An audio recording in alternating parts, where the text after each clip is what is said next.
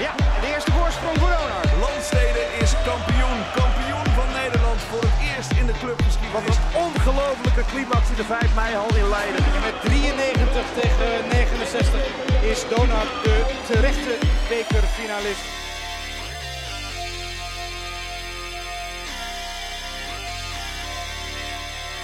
All right, and welcome back to DBL on Sunday.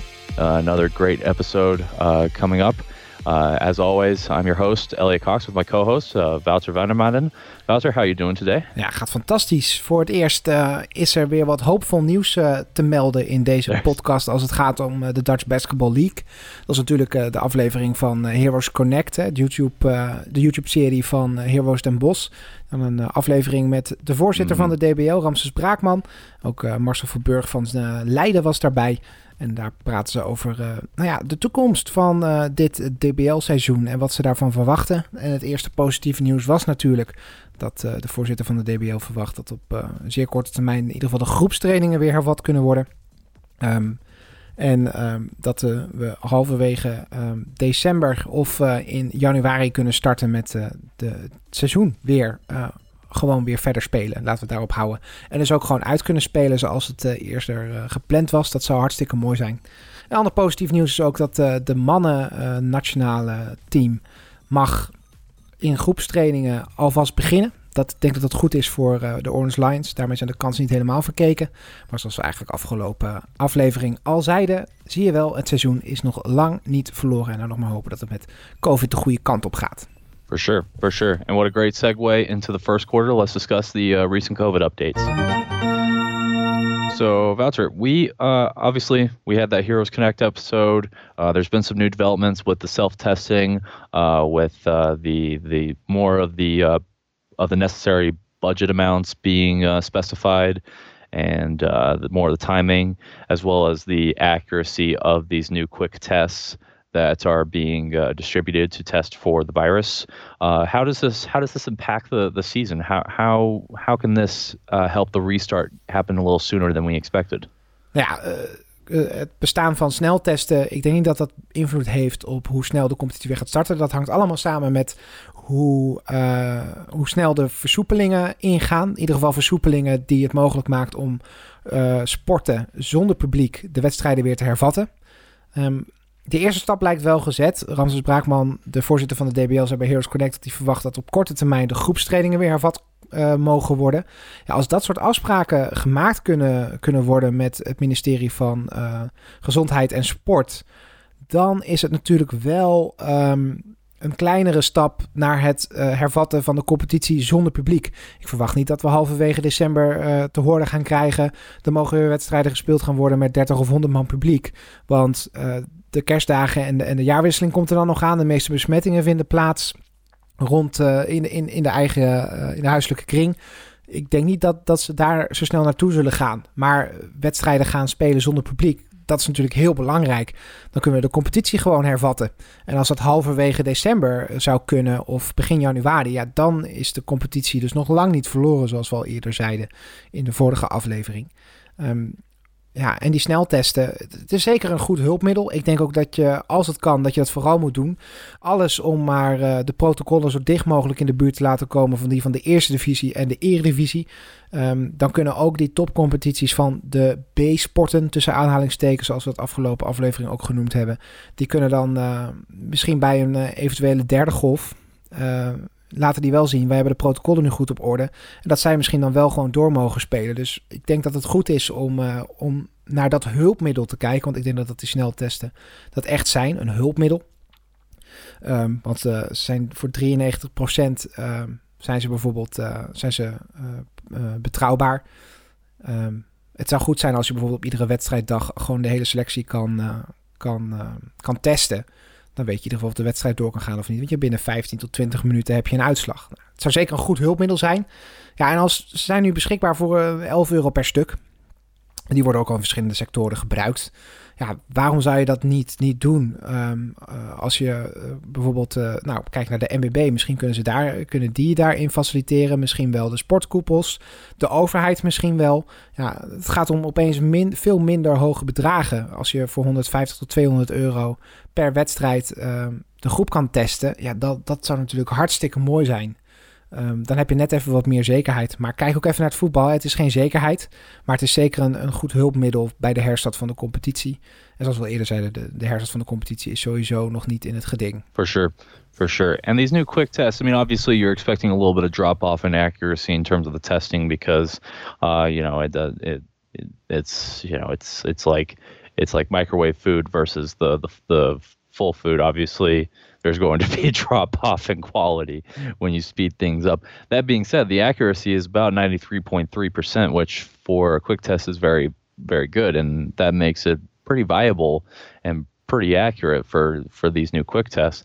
So I, I, I think that that's going to be a big breakthrough for the league to be able to, to test effectively like that. Ja, en de DBL-voorzitter uh, Ramses Braakman heeft ook zeker geen geheim van gemaakt dat sneltesten ook echt een groot onderdeel waren in ieder geval van de plannen. Um, dus dat, dat ze dat ook echt goed zien zitten bij een herstart van de competitie. Ja, dan is zo'n zo'n zo'n price drop van 75 euro naar een euro of 11. Ja, dat maakt het al een stuk um, realistischer uh, voor competities als de DBL om die ook echt wekelijks toe te gaan passen.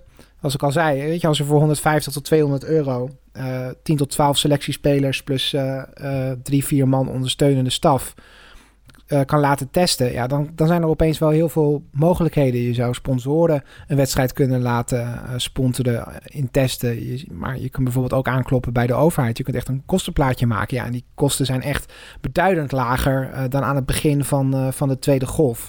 Dus ik denk dat dat een positieve ontwikkeling is. Mm -hmm. Um, het heeft ook zeker te maken met, uh, met hoe uh, uh, corona zich gaat ontwikkelen de komende dagen en de komende weken.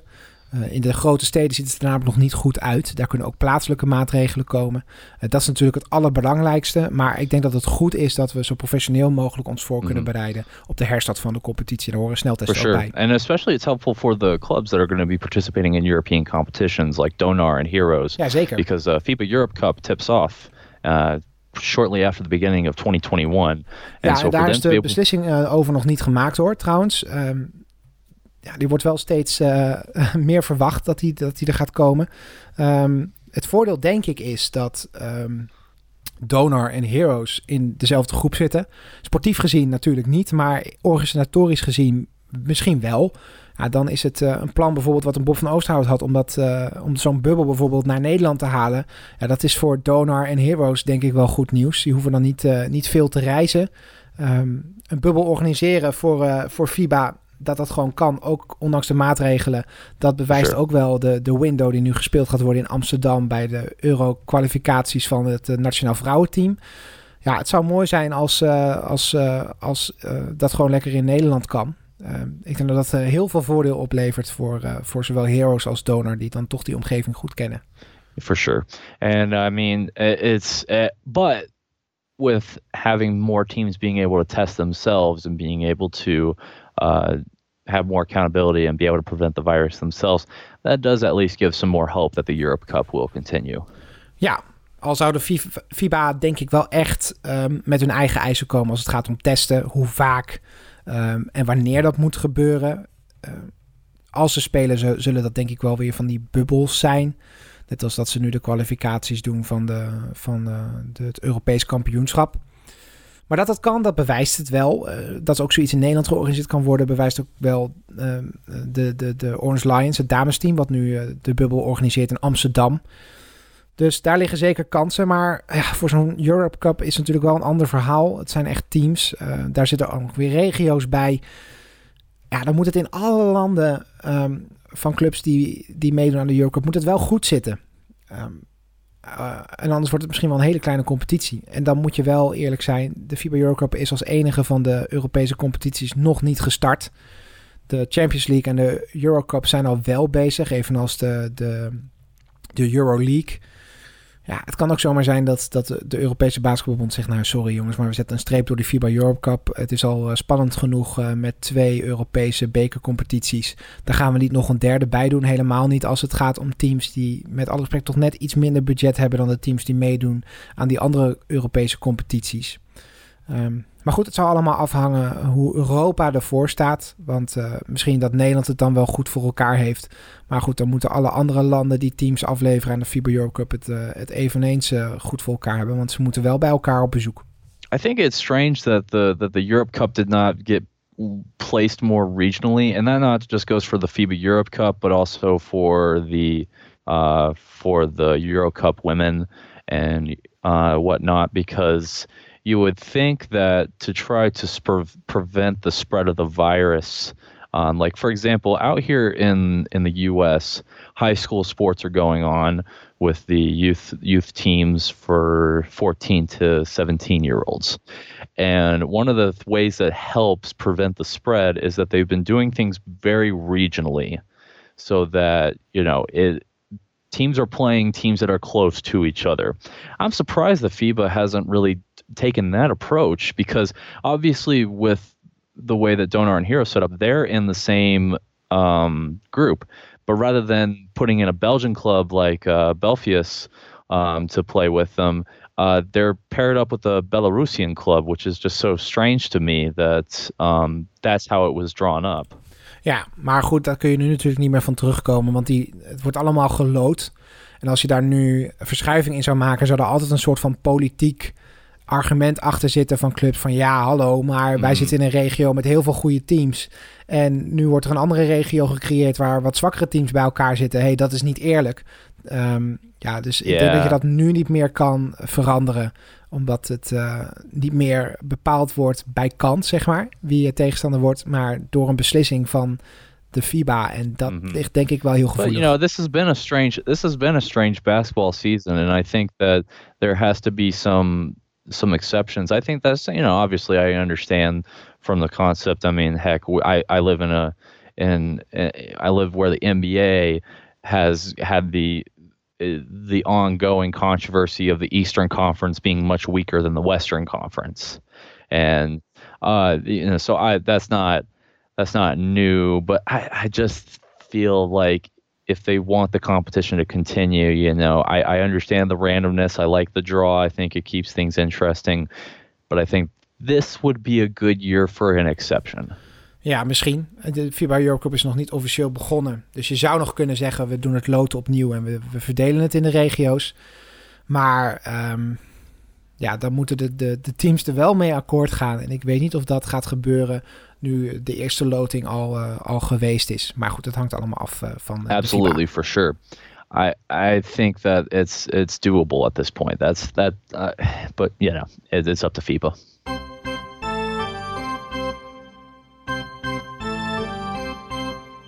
Ja, in ieder geval ander goed nieuws. We hebben het vorige week natuurlijk heel erg lang gehad over die A-status. Het vrouwen nationaal team hebben het wel de mannen nog niet. Tenminste, nu wel. Tenminste, ze mogen groepstrainingen houden voor de kwalificatieronde. That is exciting news, uh, especially for the men's club. Yeah. Um, because obviously, I know last time we spoke, uh, we were concerned about the lack of practice that the men's club was going to have going into the qualifying window later this month. But now that they're actually practicing in groups, that gives some hope. That that really does help a lot. That the club will at least be a little less rusty before we, we head to we to Istanbul. Precies. Ja, kijk, de situatie schetst zoals we die uh, in eerste instantie hadden, was dat de mannen pas groepstrainingen konden houden als zij um, bijna in Turkije waren of zelfs alleen als zij in Turkije waren. Ja, dat is natuurlijk uh, niet, niet goed, helemaal omdat het grootste gedeelte van het mannenteam uh, gewoon in Nederland is, uh, omdat zij voor een DBL-team spelen, waardoor ze dus niet wedstrijdfit zijn. Weinig spelers uh, naar verhouding vergeleken met het, het, het, vrouwenteam die in het buitenland spelen. Ja, daar hebben de vrouwen echt wel een wat meer voordeel bij, is dat die gewoon speelsters hebben uit competities die wel gewoon actief waren de afgelopen weken. Um, die sluiten nu, nu langzamerhand mm -hmm. een beetje aan. De eerste groepstrainingen zijn al geweest. Um, en ook net als bij de, het mannenteam sluiten de spelers uit het buitenland iets later aan. Karin Kuip bijvoorbeeld, uh, die had uh, nog, uh, nog een competitiewedstrijd in dit weekend in Italië. En die is maandag deze you kant op gekomen. This is a exciting time for the women's team especially because obviously, you know, they pulled off a a great a great upset over I believe it was Hungary in that first in that first window of qualifying. And so I, I think that being that the possibility of getting the women's team qualifying to EuroBasket is very real, and uh, it's a talent. It's a talented group. Uh, obviously, you have a Mies Hoff who left who who led the way um, last game with I think I, she was close to a double double at least. Um, and of course, she's playing. She's actually one of the Dutch players in EuroLeague Women this season uh, with her club in Spain. So that's exciting to have a Dutch player playing in EuroLeague women. And not just, not, not just being a bench player, she's the starting center. She's a huge contributor for that team. Zeker. Maar we hebben ook gewoon echt een goed uh, nationaal vrouwenteam. En zij kunnen zich echt um, kwalificeren voor dit EK. En dat zou natuurlijk historisch zijn. Um, de laatste EK-deelname van het mannenteam was 2015. Dat was toen al fantastisch. Uh, maar voor de vrouwen moeten we echt nog een stuk verder in de, in de tijd. En dan gaan we naar de eind jaren 80. Ja, als het nu zou lukken. En die kansen hebben ze zeker. Helemaal omdat ze nu in Amsterdam spelen. Een sporthal die ze goed kennen. Ze, zijn, ze hoeven niet te mhm. reizen. Um, dat zijn allemaal voordelen uh, die erbij komen hebben toch best wel wat wedstrijdfitte speelsters. Of in ieder geval uh, speelsters die al één of twee of drie of vier wedstrijden hebben gespeeld. Ja, dat is natuurlijk fantastisch. Uh, dat vergroot mm. echt de kansen. Um, in ieder geval, het maakt de kansen er niet minder om. En het zou fantastisch zijn als zij gewoon met twee wins uh, deze kwalificatiewindow uitgaan. En die kans, ja, en dat is het mooie, die is er gewoon. Um, en um, ja, het mannenteam, we, we, we zagen de situatie er wat somber in uh, in eerste instantie. Maar goed, daar kan misschien ook al gewoon wat gebeuren. Uh, het is uh, in ieder geval wat meer. Mm -hmm, uh, de kansen zijn wat meer gegroeid dan toen ze nog helemaal niks mochten met z'n allen. For sure, for sure. And I, it's interesting looking at it because um, the group is pretty interesting for the for the Netherlands. Um, let's see, they have. let's see. We obviously have Sweden and Turkey, um, and then of course Croatia as well. It's not not an easy group for sure. And we play we play uh, Sweden and Turkey this round. But Sweden is the first game. Now, obviously, if we played Turkey first, I would at least be able to say, well, if we get blown out that game, then at least we're the jitters are out of the way, and we can we can we can maybe have a chance to beat Sweden. I, I don't know. I don't know now because Sweden's going to be the first game. Turkey's going to be the next game. And like I talked about last time, Turkey may have some of those NBA players, um, like Chetty Osman, coming to play for them for this qualification window, which would be a huge advantage for them. It's definitely going to be interesting to see how, how the boys can pull it off. Um, but you know, at least that they're able to practice and and have some contact and run some drills and run their offense in a controlled setting. That does at least give me some hope that you know they're going to uh, they're going to be better prepared for this window than you know if they didn't even have any practice to start with. Precies, dat is echt een groot verschil. Yeah, but the uh, you know it's hopeful for for both teams to make the EuroBasket because obviously you know the group in in the group that the Netherlands is in, you just can't be last. So if the Netherlands struggles against Croatia and Turkey, but we can at least handle Sweden, we're in EuroBasket. So it's it's ja, het is spannend. Het is. Know, it's gonna be interesting. Het is het is echt echt leuk ook, want er staat voor beide teams staat er echt wat op het spel. Beide hebben ook wel een kans om dat uh, dat te halen. Ja, dat maakt het echt leuk. Maar het dubbeltje kan net zo goed de andere kant op vallen. For sure, for sure. Looking forward to discussing those games as well as for the women's club, uh, because uh, we're going to be uh, playing some quality team in uh, in Hungary again, and of course uh, Slovakia, who was handled pretty easily by uh, by the uh, by that Hungarian team. So I, I, don't know. It'll be interesting. I think that uh, I think for I think for the first time in a while, I have some hope that both the men's and women's team will qualify for Eurobasket. Precies, het is ook een goede test voor uh, de nieuwe bondscoach van, het, uh, van de Orange Lions. Um, heeft natuurlijk nog maar twee wedstrijden gehad. Um, in hele andere omstandigheden. Kijk even naar wat voor seizoen de spelers toen hadden. Toen zij begonnen aan die uh, kwalificatiewindow. Eerst dus tegen Turkije gewonnen. En helaas net verloren van Kroatië is een goede test. Hoe gaat die bondscoach daarmee om? Hij is er nog niet. Uh, Matthew Otte, uh, tevens coach van Joost, maar ook assistent-trainer, die leidt nu die trainingen. Maar het is, uh, lijkt me interessant om te zien hoe, hoe onze Mario ermee omgaat. Um, mm. This will be a this will be a tough test for him in his coaching career to try to be able to rally these guys after some of them have been taken. I mean, obviously the DBL players have had to take a break for a little bit longer than they would have liked uh, for a few weeks now, trying to get them together, trying to make sure that chemistry is there in time for a tough test against Sweden.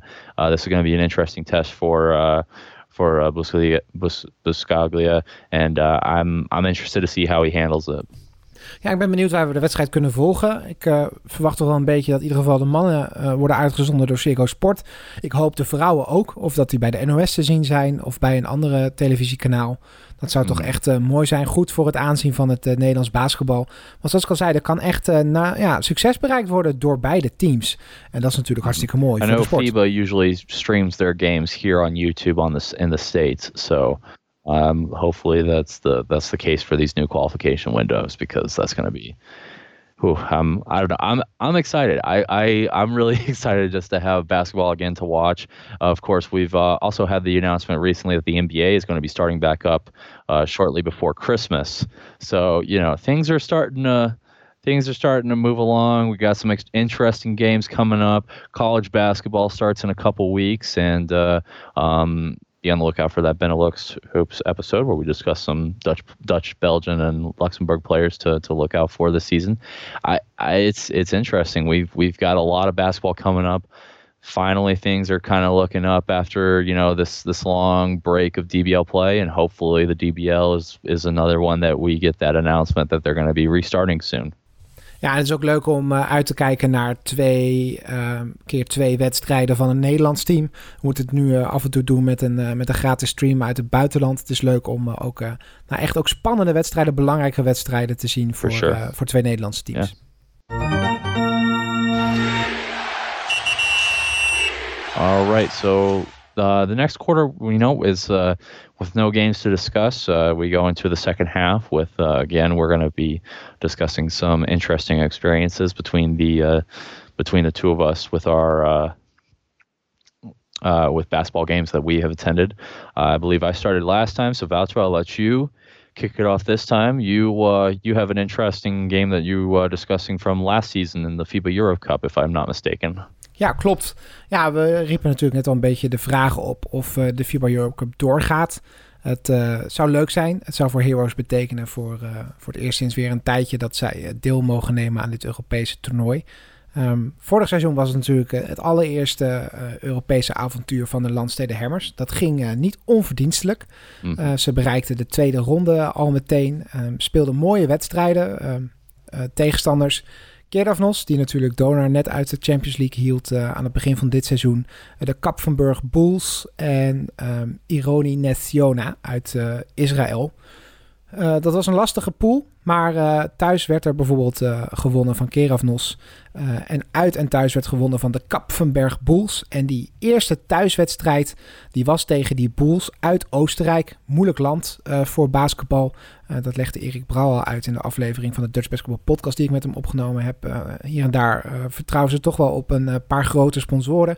En als zo'n sponsor er een keer mee stopt, dan valt ook de club om. Of in ieder geval, die valt een eind naar beneden. Dat is ook een keer met een club van Erik Brouw gebeurd, die dit toen coachte. Um, ja, en Kapfenburg ook een heel klein plaatsje, maar wel een van de betere ploegen in Oostenrijk. En die kwam op bezoek en het was van zo'n wedstrijd ja, waar alles eigenlijk uh, samenkomt en alles klopt. Het was een fantastische wedstrijd. De beste, een van de beste wedstrijden van de Landstede Hermers, denk ik, van het hele seizoen. Um, ja, het was uh, geweldig om daarbij te zijn. Dat was ook een van de eerste wedstrijden die ik uh, bezocht voor de podcast. Ja, dat was een hele leuke mhm. wedstrijd om te zien. En die heb jij onlangs volgens mij ook nog teruggekeken of niet, uh, Elliot, via I did. I, I rewatched the, the YouTube stream the other the other um, just a couple months ago, actually, because I was just trying. I was learning more about uh, because uh, Austria was another place that I was looking to move out to there. So I was trying to learn more about the Austrian league, and uh, obviously when I saw that there was a matchup between the Hammers and Bulls, well, I was like, oh, nice way to what nice way to to analyze both leagues. Uh, that was a great game for Hammers, though. They really were impressive that that game. Ja, dat is ook voor het eerst dat ik kennis maakte met de, de regels van de FIBA als het gaat om Eurocup-wedstrijden. Je mag dus geen muziek of uh, sound effects uh, draaien als er gespeeld wordt. Mag eigenlijk alleen op de dode momenten um, tussen de kwarten in bijvoorbeeld. Ja, dat is, was even wennen. Ook wel weer leuk, want je, je maakt het spel toch echt een beetje mee... Um, in een wat puurdere vorm. Want je hoort echt alleen maar de supporters en um, wat de spelers roepen op het veld. Ja, het, het, piepen van de schoenen. Dat is, geeft wel wat meer basketbalbeleving. Ik ben er misschien ook wel een beetje voor. Al zou ik misschien in de DBL het niet allemaal afschaffen. Um, maar tof dat de supporters gewoon bepalen hoe de sfeer in de zaal is. Um, en het lijkt ook wel een beetje met hoe ik het basketbal ervaren heb um, toen de competitie herstartte op 3 oktober. Ja, toen, toen, toen zat je daar natuurlijk in een compleet lege zaal en hoorde je echt alleen maar het geluid van het basketbal. Um, ja, ik denk dat in een normale situatie, dan uh, met een FIBA-wedstrijd kom je daar dichtstbij. Ligt natuurlijk wel een beetje aan de tegenstander, want uh, er zit natuurlijk wel een groot verschil tussen het Landsteden Sportcentrum en een, uh, en een uitverkocht Martini Plaza. Maar het is natuurlijk wel fantastisch om het af en toe zo even mee te maken. Helemaal omdat het wedstrijden zijn waar het vaak toch wel echt ergens om gaat. En grote tegenstanders tegenover je team staan. And that was another thing that I had to learn about when I was learning about this European basketball culture. Uh, you know, I I remember listening when I first started watching DBL games. I was like, oh, they do the sound effects like the NBA. Okay, I thought they didn't do that in Europe. Then I see that the FIBA Europe's allow for that, and then I understood why European fans have to be as passionate as they can be with no sound effects or anything like that or anything like that. I mean, home court advantage is really decided by how loud the fans can be. Ja, precies. Al denk ik wel dat ook de hele COVID-situatie ons heeft geleerd dat, dat het thuisvoordeel uh, verder gaat dan alleen um, hoe uh, de fans zijn in de zaal. Mm -hmm. Je hoeft natuurlijk niet te reizen als je thuis speelt. Nou, dat kan echt wel een voordeel zijn, zelfs in een kleiner yep. land als Nederland. Maar ook um, um, um, ken je de zaal goed. En volgens mij was het uh, mm uh, Yannick die in uh, de Derusso Radio podcast zei... Ja, het maakt al een verschil als je bijvoorbeeld kijkt naar het Landsteden Sportcentrum... en heeft basket die uit het plafond komen. Dat is heel anders dan baskets die staan. Tenminste, voor je gevoel als speler, denk je. Um, dus dat kan ook al een voordeel zijn. Want ja, die, die spelers van de Landsteden Hammers... Die, die trainen ook op die vloer mm. en op die baskets. Ja, dat is een verschil. En helemaal bijvoorbeeld ook een leeg Martini Plaza... kan heel anders aanvoelen. No, I agree. Um, uh, een enorme ruimte die je dan om je heen hebt. Ja, dat heb je bijvoorbeeld in een zaal... waar alles wat dichter op elkaar staat... als bijvoorbeeld een Leiden... Uh, heb je dat niet. Um, en daar moet je als speler ook aan gewend zijn. dus op dat soort mhm. manieren kan thuisvoordeel zich op heel veel uh, vlakken uiten. Um, maar goed, zeker als het grote, de grote zalen zijn met heel veel publiek, ja, dan kan het publiek ook nog wel eens de coach of de tegenstander gek maken. En ook daar zijn hele mooie voorbeelden van uh, die uit Martini Plaza komen. Dus zeker. Um, nogmaals, het is wel heel mooi om in een soort van pure vorm het basketbal te beleven met de fans en met, het, met de geluiden van de vloer. Um, ja, dat heb je dan wel in zo'n FIBA Europe Cup game. And I remember I was I was re-listening to um, our pilot the other day when we were talking about the the preview for the clubs, um, and I just re-listened just to give myself tips on how I can do the next episodes better and everything like that. But or and also to see what our thought process were at the times.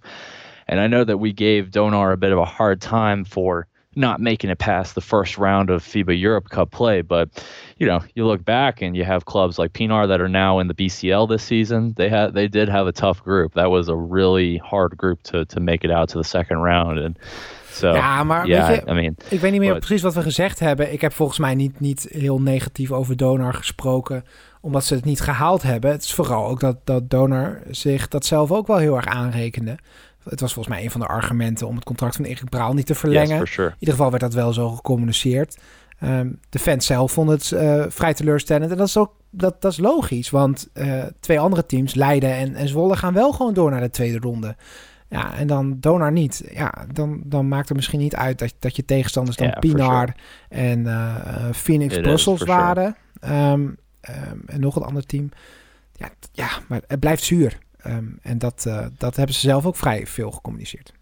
Yeah, Phoenix Brussels was the was technically the uh, the uh, the easiest team, and they were a very talented group that season. of course, they had the another Belgian club in uh, Spirou uh, that also was very talented last season. I mean, that's just a that they had a tough draw, and that was going to be a tough one to get out of, um, regardless. Um, you know, as opposed to you know, and uh, as opposed to Leiden, you know, they had to play Benfica, which was a very tough club, but the uh, but their other two clubs were not necessarily the the the most formidable. So you know, it, but at the same time, you know, and I think Donar Donar was the first who will be the first to say it always. It doesn't matter what the draw is, you got to find a way to win. Precies. Al heb ik wel wat eh, het vertrouwen in Donar hoor. Want ze hebben het natuurlijk heel goed gedaan in de kwalificatieronde van de Champions League. En dan word je verslagen door een keer of Nos wat eh, gewoon ook al wat langer bij elkaar was. ehm, eh, en sterk speelde. Natuurlijk wel gewoon over teams die het over die over- om de Champions League spelen. En als ik kijk naar hoe Donar speelde aan het begin van het seizoen. Ja, dan, eh, dan heb ik wel vertrouwen in dat Ivan Rudes ook echt in een korte tijd ehm, wel wat neer weer kan zetten. Dat heeft hij ook wel laten zien in de preseason tegen Bakken en, eh en Belfius. Dus ja, daar ben ik wel heel benieuwd naar. Ehm, en ja, worden wel weer leuke wedstrijden, dat sowieso. Ehm, tegen Heroes Den we zeiden het eh, in het eerste kwart volgens mij al, dat, dat het eh, ehm, organisatorisch misschien bij al een beter is. Dat ze twee Nederlandse teams tegen elkaar spelen, sportief misschien wat minder. Maar aan de andere kant, die laatste Donar Heroes wedstrijd, oh, dat belooft wel wat voor, eh, voor die eh FIBA Eurocup als die doorgaat. for sure. But I, I would also, uh, but you know, on the flip side, I think it's also uh, uh, kind of a weight off the back of uh, of uh, BC uh, from uh, from Belarus that uh, you know they don't have to worry about um, hosting the two clubs and you know having that headache with dealing. If you have a bubble environment, which is going to be easier for a group like Donar and Heroes and Borisfin that are in a three group, three team group, I, I think that bubble can be achieved. Ja, al is officieel natuurlijk wel nog steeds een vier-team groep. Hè? Want eh, volgens mij is dat Mona Blanc of zo. Die, die doet wel mee aan de Eurocup. Maar die hebben officieel nog niet afgezegd voor de FIBA Europe Cup. Zo, ja, het is nog onduidelijk of die mee gaat doen. Het zou natuurlijk wel sportief eh, een, een moeilijke tegenstander zijn om te verslaan als die meedoen aan de Eurocup. Maar ja, dat, ehm, dat maakt het wel leuker. Maar officieel is het nog steeds een, een team met, voor, eh, met, met vier, eh, met vier eh, een, een groep met vier Yep. teams. exactly. So, um, well, that's awesome. I, you know, I that's that's definitely on my bucket list as well. Once we once um, once I move out there with my wife, is to is to attend a FIBA Europe Cup and a Champions League, and of course a EuroLeague game as well. Um, I think that's uh, that's impressive, and it's just interesting how it's a different environment than the DBL. But you know, that's uh, I, don't think that's necessarily a bad thing. I think uh, both both have their advantages and disadvantages. Well, so um, as for my experience, uh, obviously in the states, you know, uh, school sports are taking a taken a lot more seriously. Ja, uh, maar heel veel out serieuzer. in? Europe. A lot more seriously, yeah. I would say, like uh, a, cl- a club like Basketball Academy Limburg um, or SBU Utrecht. Those are the clubs that come the closest to a college team in uh, in the U.S. and the Netherlands. Maar meer qua organisatie dan toch, hè? Yes, exactly. How they're organized. Ja, want we hebben it- niet echte college teams in Nederland. Yes, exactly, exactly. But in the sense that they get a lot of their players from students, um, that's the closest that the Netherlands comes to having a college team or a high school team. But uh, you know, and, and there's disadvantages and advantages to that as well. I'm I like high school and college sports. I think it's very exciting. I think it has a chance to teach kids a lot of life lessons. On the other hand, you do have a lot of schools that take it too seriously and i think it detracts from what a university is supposed to be which is obviously a place of education and preparing people for the future. But that being said is there's nothing else like a big time college or high school rivalry game. I mean it's it's there's I, I mentioned this in my episode when i talked about the march madness uh, there's uh, most college college teams, like big time college teams, they have better environments than NBA clubs, uh, which is which sounds weird to say, but that's just how that's just how seriously it's taken out here. For me, though, I grew up going to a school in um, upstate South Carolina, Spartanburg Day School, where actually Zion Williamson went to the number one pick in the uh, NBA draft. He got to school the year after I transferred to a different school when I moved. I had when my family moved uh, to the to Columbia, but um, that school we didn't have a football team. And so basketball was the big deal. There's a tradition and a lot of high that I think pretty much every high school has here in the U.S. called homecoming, which is a chance for alumni of the school to come back and watch a game. Um, I'm to be honest, it's really just a way to get money from the alumni to the school. Uh, to to get to get to get more donations, be, you know, re-arouse that school spirit and be like, don't you remember the good times here? Give us your money. Uh, no, it's, but it is a great environment to be able to catch up with old friends and that kind of stuff. And uh, as a student, uh, it's also very exciting. But what was really cool about that, the way that Spartanburg Day School did it, was that they would have four basketball games back to back. You would have the middle school girls team, then the middle school boys team, Sometimes they would do five games. They would have the JV boys or girls, one of them have a game in between. Then you had varsity girls, and then you would end the night with a varsity boys team game. And so it was four to five straight games of basketball. And our gym seats about a little over a thousand. So it wasn't that big, but it was packed and the environment was crazy. Um, I was a part of the band um, my freshman year of high school, so I got to be a part of that pep up process of getting the crowd into it with the music and everything. And it was a crazy environment. I, I have to say that that really helps you cement your your your place as a basketball fan. If you can handle four straight games, uh, especially handling middle school games, which um, I you know obviously they're just young kids, so you know it's not going to be as quality as a as a high school game. But to see that environment and everything like that, uh, that was a special experience. And then it was even more so once Zion Williamson showed up. Um, I remember watching some of the games on TV, and it was always packed. There was always people from who didn't even go to the school; they were just there to see Zion, which obviously he's a tremendous talent. He turned the Pelicans around this season. I mean, that's an exciting team. First of all, if you're an NBA fan, if you if you're an NBA fan looking for a team to root for, the Pelicans are going to be a very interesting team to watch in the next few years because that tandem of uh, Zion Williamson and Brandon Ingram. Very fun group to watch. Ja, maar um, ze zijn ook een team die op de lange termijn goed zal blijven. Of in ieder geval potentie hebben om beter te worden. Met de jonge spelers die ze hebben. Maar ook met, uh, met uh, draft picks die ze hebben getrade. Uh, in de afgelopen tijd. For sure, for sure. And of course, you know, they obviously got um, a lot of other young prospects like Lonzo Ball and Josh Hart um, from the Lakers in that trade for Anthony Davis. So that's they they got a nice supporting cast in this upcoming draft. Um, let's see, they got the 13th pick, so they're still in. They got a lottery pick, so I think that uh, I mean, obviously not as high as uh, my Charlotte Hornets with the third pick, but um, but they, they still have. There's a lot. Daar, daar, daar houdt de vergelijking ook wel mee yeah, op. Yeah, that's uh, that's that's really it. uh, I mean, I'm excited about Charlotte. Devonte Graham t- was should have been on the MIP list. Uh, he was very improved, and uh, the PJ Washington was a great rookie to see last season. Um, but yeah, no, I mean, as far as the optimism, Pelicans definitely have more so. Zion Williamson is a transcendent talent. Uh, he's just one of those guys where it, it, almost doesn't matter what you do. It's just he's so talented. He's just it's it's such a unique frame that he has. He's like uh, he reminds me uh, in an American sense, he reminds me of Larry Johnson, how he was when he first came to the Charlotte Hornets in the '90s. And then for a Dutch comparison, he's almost like uh, he's got he's like the defensive prowess and body of Mo Karazi mixed with the offensive dominance of uh, um, Noah Dahlman for those first couple seasons and with uh, the Hammers. uh, you know, he's just he's just one of those guys where he's just so he's not just fundamentally sound, he's just talented.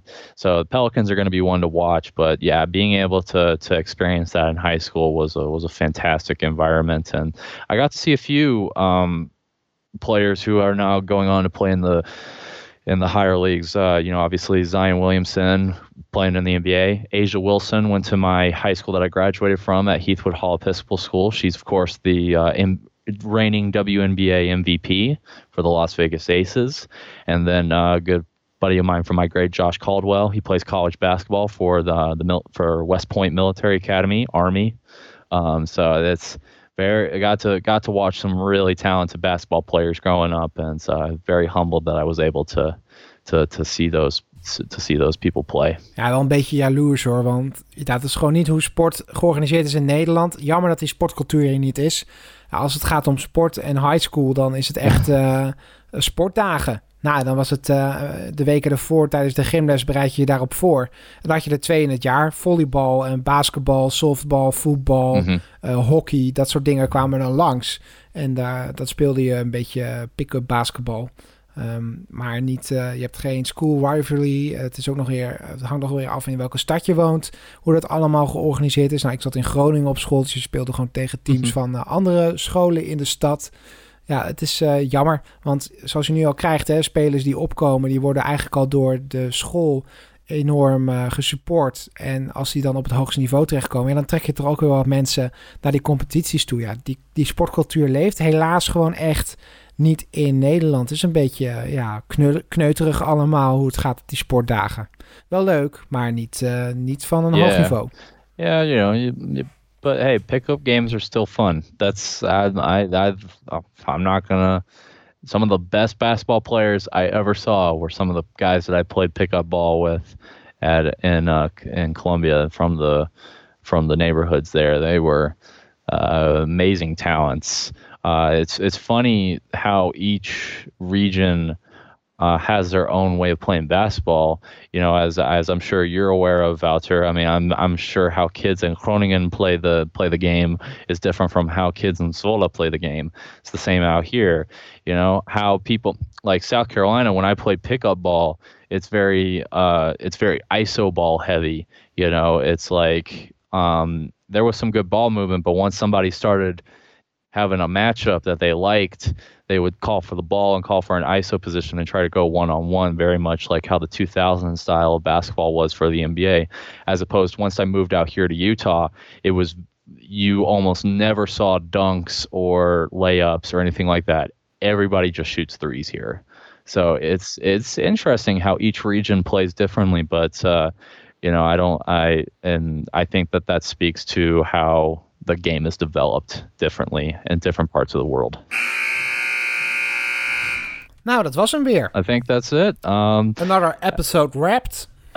You know, it's it's been a fun project so far, Wouter, and uh, unfortunately, you know, I obviously we wish we had more games to talk about, but that's going to be changing here pretty soon with uh, with the EuroBasket qualification window coming back up, and hopefully we get some DBL basketball coming back soon but we're really looking forward to to bringing more of that coverage as soon as it comes by. Uh, we're just grateful the, for the listeners that have stuck with us through this uh, through this holdout, and hopefully we get some basketball soon. Uh, but as always. Uh, check us out at uh, on social media with uh, DBL underscore on underscore Sunday, and of course with Voucher with his podcast, Dutch Basketball Podcast, and my podcast that's going to have a new episode being coming out in a day or so with Benelux Hoops. Uh, give both podcasts a follow. Uh, you know, it's it's been a pleasure to to cover this great sport in this great region, and I'm just humbled with how the the community has has accepted me, and of course, uh, being able to work with a talent like Wouter, uh, just it's it's a it's a it's a humbling experience nou, to say dank, the least. Dankjewel Elliot en jij ook ontzettend bedankt voor deze aflevering weer. Het is een, uh, een leuk project om dit iedere week uh, te doen. Ja, en dan rest ons nog uh, om aan jullie, de luisteraars, uh, te vragen van mochten jullie nou iets van ons willen weten, uh, maar ook een vraag of een onderwerp hebben wat we absoluut moeten behandelen in een aflevering van DBL on Sunday, sluit dan even onze DM's. Dat kan dus via dat Instagram-account DBL-on-Sunday. En mocht je nou geen Instagram hebben, dan kun je altijd mailen naar mail at dutchbasketballpodcast.nl. Dan zorg ik dat het allemaal ook bij Elliot terechtkomt. En dan behandelen we het gewoon lekker in de volgende aflevering. Ehm, ja, dan uh, eindigen we met uh, een bedankt voor het luisteren. Uh, volgende week zijn we er uiteraard weer. Dan hebben we het natuurlijk niet alleen over de DBL, maar ook over de Orange Lions. In ieder geval, tot ziens. Tot volgende week. Dag.